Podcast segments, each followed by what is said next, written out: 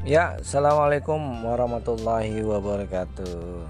Selamat sore untuk para pendengar info viral today. Hari ini atau tepatnya sore ini di tanggal 27 April 2020 hari keempat bulan Ramadan saya akan membacakan sebuah materi yang cukup panjang jadi dengerin baik-baik bisa jadi ini bagian yang terpenting juga. Materinya daging banget. Judulnya 30 prediksi perilaku konsumen di new normal oleh Yuswo Hadi ya. Di 23 April 2020 beliau menulis.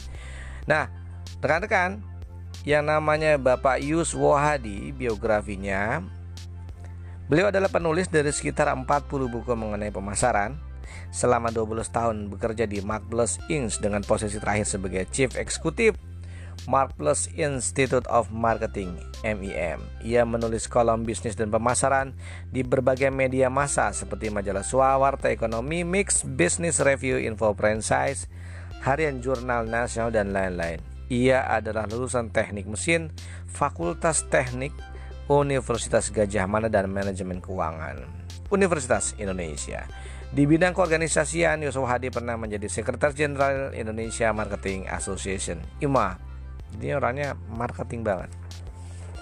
Ya, berikut ini adalah 30 prediksi yang dirangkum oleh Bapak Yusuf Hadi mengenai perubahan perilaku konsumen di kenormalan baru.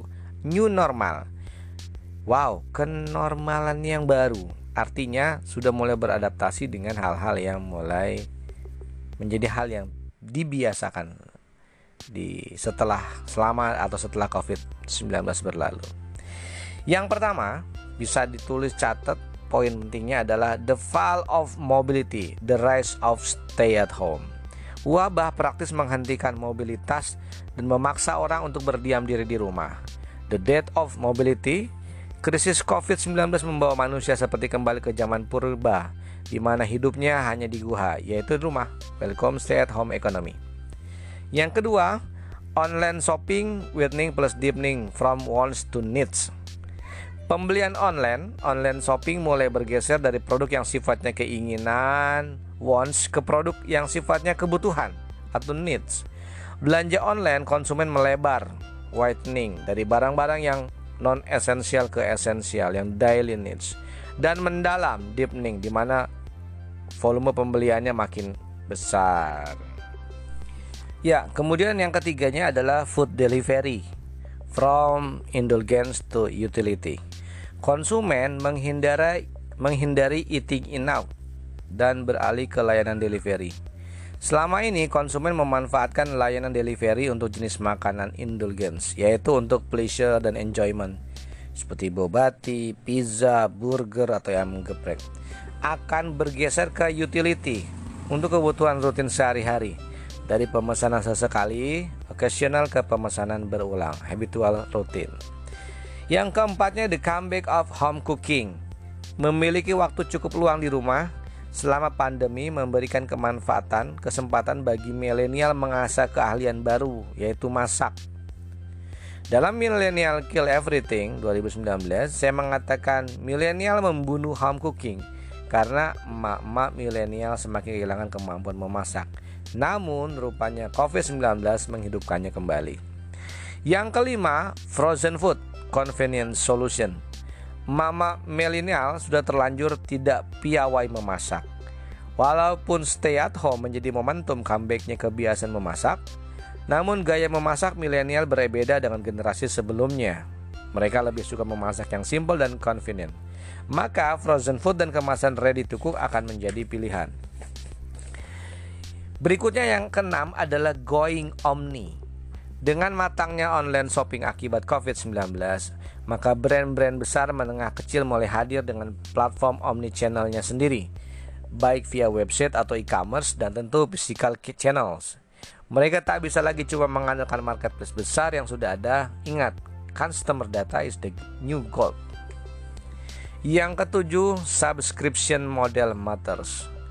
COVID-19 memaksa konsumen membeli dan mengkonsumsi secara serba online belanja grocery, menikmati film musik, membeli makanan, bekerja dan belajar, bermain games, bahkan berolahraga dan yoga pun melalui live class secara online.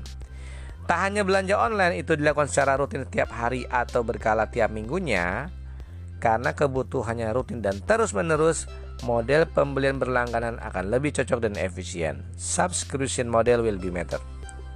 Yang kedelapan, TV Strike Back. Dalam buku Millennial Kills Everything 2019, kami mengatakan bahwa milenial telah membunuh televisi. Tapi COVID-19 telah menghidupkannya kembali, khususnya Smart TV. TV memiliki keunggulan dasar yang tak mungkin dimiliki smartphone yaitu layar besar yang lebih ramah dilihat. Karena itu memasuki era the death of mobility akibat social distancing, TV menemukan momentumnya kembali. Yang kesembilan, die and self care at home. Ketika konsumen sudah terbiasa dengan stay at home, maka mereka mulai mencoba berbagai hal baru yang menyenangkan. Salah satunya melakukan self care atau permajaan diri seperti facial, mani-pedi, spa. Maka tren do it yourself ini dapat menjadi kenormalan baru dan pembelian produk-produk self care secara otomatis mengalami kenaikan. Nomor 10-nya adalah zoomable workplace at home ya. Work from home menunjukkan tren baru, zoomable workplace di rumah. Kalau sebelumnya populer istilah instagramable, maka kini ada istilah tempat kerja di rumah yang zoomable. Tren ini dipicu oleh popularitas aplikasi Zoom untuk meeting virtual, mendekorasi ruang kerja yang eye-catching sebagai background meeting. IKEA atau Informa bakal menjadi ramai pembeli tanpa disadari hal ini telah menjadi kebutuhan self-esteem. Yang ke-11, Work life play ya. Work life play blends balance well-being revolution.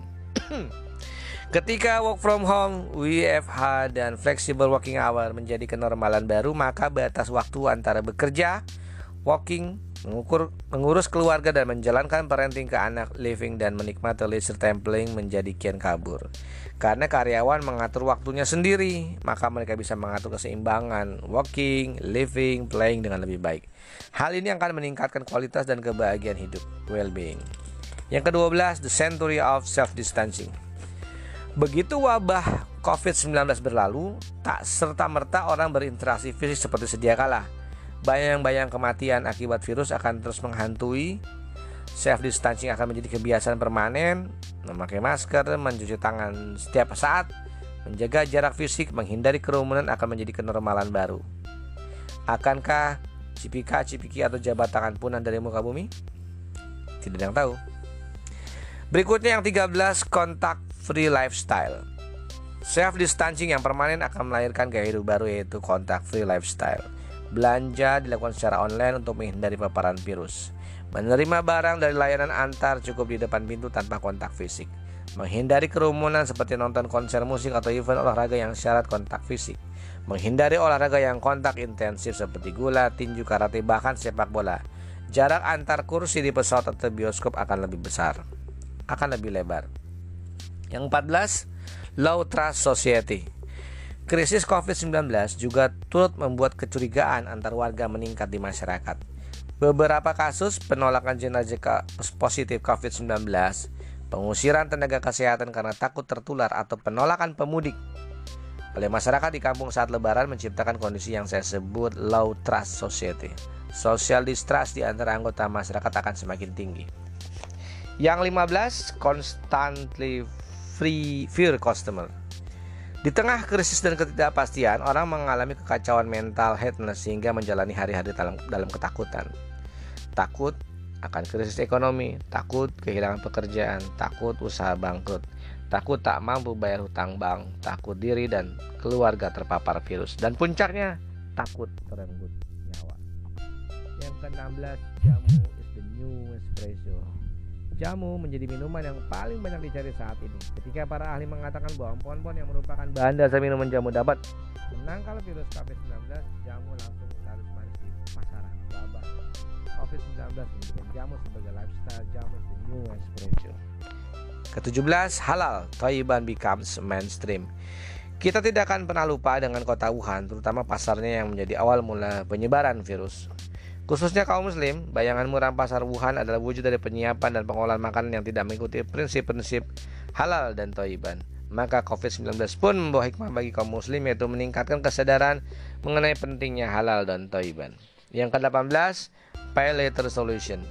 Di tengah kecemasan dan ketidakpastian akibat COVID-19, sebisa mungkin konsumen membatasi atau menunda pengeluaran yang bersifat cash. In time of crisis, cash is king, maka layanan pay later yang diberikan oleh bank, perusahaan fintech, dan platform e-commerce seperti GoPay, OVO, atau Tokopedia menjadi solusi bagi konsumen untuk berbagai transaksi. The future of traveling. Bahkan ketika ancaman virus terus mengintai, kita tetap akan berlibur, tapi dalam situasi dan kondisi yang bisa dikontrol dan ter tak terpapar virus. Traveler kian sadar melakukan self social distancing karena itu stay vacation dan wellness tour akan menjadi pilihan. Traveling kian menjadi aktivitas individual bukan lagi grup niche turis lebih berkembang daripada mass turis dan virtual tourism dengan teknologi VR virtual tourism akan berkembang. Yang ke-20 virtual experience in the next big thing konser musik, event olahraga hingga conference pameran dibatalkan di seluruh dunia. Sebagai gantinya virtual konser, virtual sport, virtual conference seminar, virtual exhibition. Ketika self distancing bakal berlangsung lama maka virtual experience akan menjadi sesuatu banget. Keunggulannya more efficient, more convenient, more personal.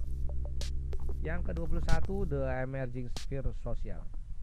Aktivitas bersama-sama baik nongkrong, olahraga, senam, meditasi dan yoga hingga ngegame dilakukan secara virtual. Kami menyebutnya vir sosial, virtual sosial.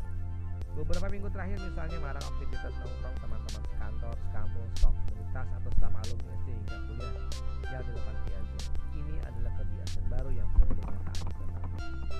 Yang ke-22 flexible working hours from 9 to 5 atau 2 uh, 3 to 2 ya. Dalam buku Millennial Kill Everything 2019 saya mengatakan ke depan milenial membunuh jam kerja 9 sampai jam 5. Rupanya COVID-19 membunuhnya lebih cepat. Dengan work from home, karyawan bereksperimen menjalankan pola kerja flexible working hour, maka jam kerja jam 9 sampai jam 5 nanti akan berubah menjadi jam dari 3 sampai jam 2 yaitu jam kerja 3 hari di kantor 2 hari di rumah dalam yang ke-23 the birth of young generation. Kalau generasi milenial sering disebut Instagram generation dan Gen Z, Z adalah Snapchat generation maka setelahnya kita akan menyongsong lahirnya Zoom generation. Kalau generasi milenial dan Gen Z tumbuh di dekat keajaiban teknologi digital internet, media sosial tech startup, generasi Zoom tumbuh di tengah dunia yang rapuh oleh ancaman pandemi dan risiko hidup maka Zoom menjadi new global. Cloud lifestyle, kebiasaan baru work from home, tuntutan kolaboratif working dan maraknya gig economy akan mendorong melonjaknya penggunaan platform sharing yang tersedia via cloud. Maka konsumsi layanan cloud baik SaaS, software as a service, LAS infrastruktur as a service, PAS platform as a service akan masuk babak baru pertumbuhan eksponensial. Tren ini akan memunculkan cloud lifestyle di mana karyawan bisa bekerja dengan aplikasi dan data yang tersimpan di cloud dan bisa diakses di mana pun dan kapan. Yang ke-25, telemedicine from visit to virtual. Blessing in disguise. Krisis pandemi akan menjadi akselerator revolusi di dunia seperti halnya remote working dan online learning, konsumen dipaksa untuk mengadopsi gaya baru berobat secara virtual. Yang ke-26, online plus homeschooling. COVID-19 memicu dua tren sekaligus dalam proses pembelajaran. Pertama, pembelajaran secara online, online schooling dengan menggunakan platform digital. Kedua, peran orang tua yang semakin besar dalam proses pembelajaran anak homeschooling. Saya menyebut dua tren ini online plus homeschooling. Online plus homeschooling mengubah secara mendasar wajah dunia pendidikan ke depan. Yang ke-27 ibadah virtual. COVID-19 turut mengubah perilaku masyarakat dalam beribadah. Sholat berjamaah sementara tidak bisa dilakukan. Begitu pula kebaktian atau ibadah di gereja. Solusinya adalah melakukan ibadah secara virtual.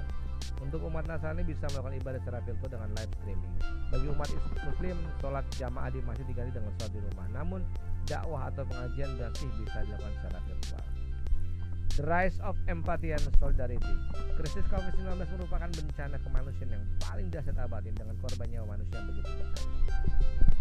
Hikmahnya COVID-19 telah menciptakan solidaritas dan kesetiakawanan sosial. COVID-19 telah menciptakan masyarakat baru yang empati, penuh cinta dan lepas terhadap sesamanya. Sesuatu yang langka ketika wabah belum menyerah. Yang ke-29, from drone parenting to positive parenting. COVID-19 bahkan mengubah pola pengasuhan anak, parenting style. Ketika work from home memungkinkan orang tua banyak berkumpul dengan anak, maka pola pengasuhan yang efektif adalah positive parenting, di mana orang tua secara proaktif menjelaskan perilaku yang baik dan mengajak anak untuk sama-sama memahami situasi sulit ini. Ini berbeda dengan drone parenting ala milenial yang membebaskan anak untuk mengeksplorasi banyak hal sementara orang tua memantau dari jauh. Dan yang ke-30, more suffering, more religious. Di tengah krisis COVID-19, agama menjadi tempat bersandar mencari ketenangan sekaligus harapan. Sebagian besar masyarakat menganggap krisis ini adalah bencana atau hukuman yang diberikan Tuhan. Bahkan dianggap tanda-tanda hari akhir akan tiba. Masyarakat Indonesia adalah masyarakat religius. Cobaan COVID-19 semakin mendekatkan mereka kepada Tuhan karena di tengah wabah ajar bisa setiap saat datang maka mereka memperbanyak amal ibadah untuk bekal usaha Wow, luar biasa 30 konten materi dari Bapak Yusuf Hadi. Telah. Saya bacakan dan ini menjadi materi yang daging untuk kita mempunyai bayangan COVID-19 ternyata menjadikan sesuatu yang menurut kita belum begitu normal kebiasaan menjadi sesuatu yang nantinya akan menjadi normal dan menjadi kebiasaan. Karena dikondisikan atau disesuaikan. Dengan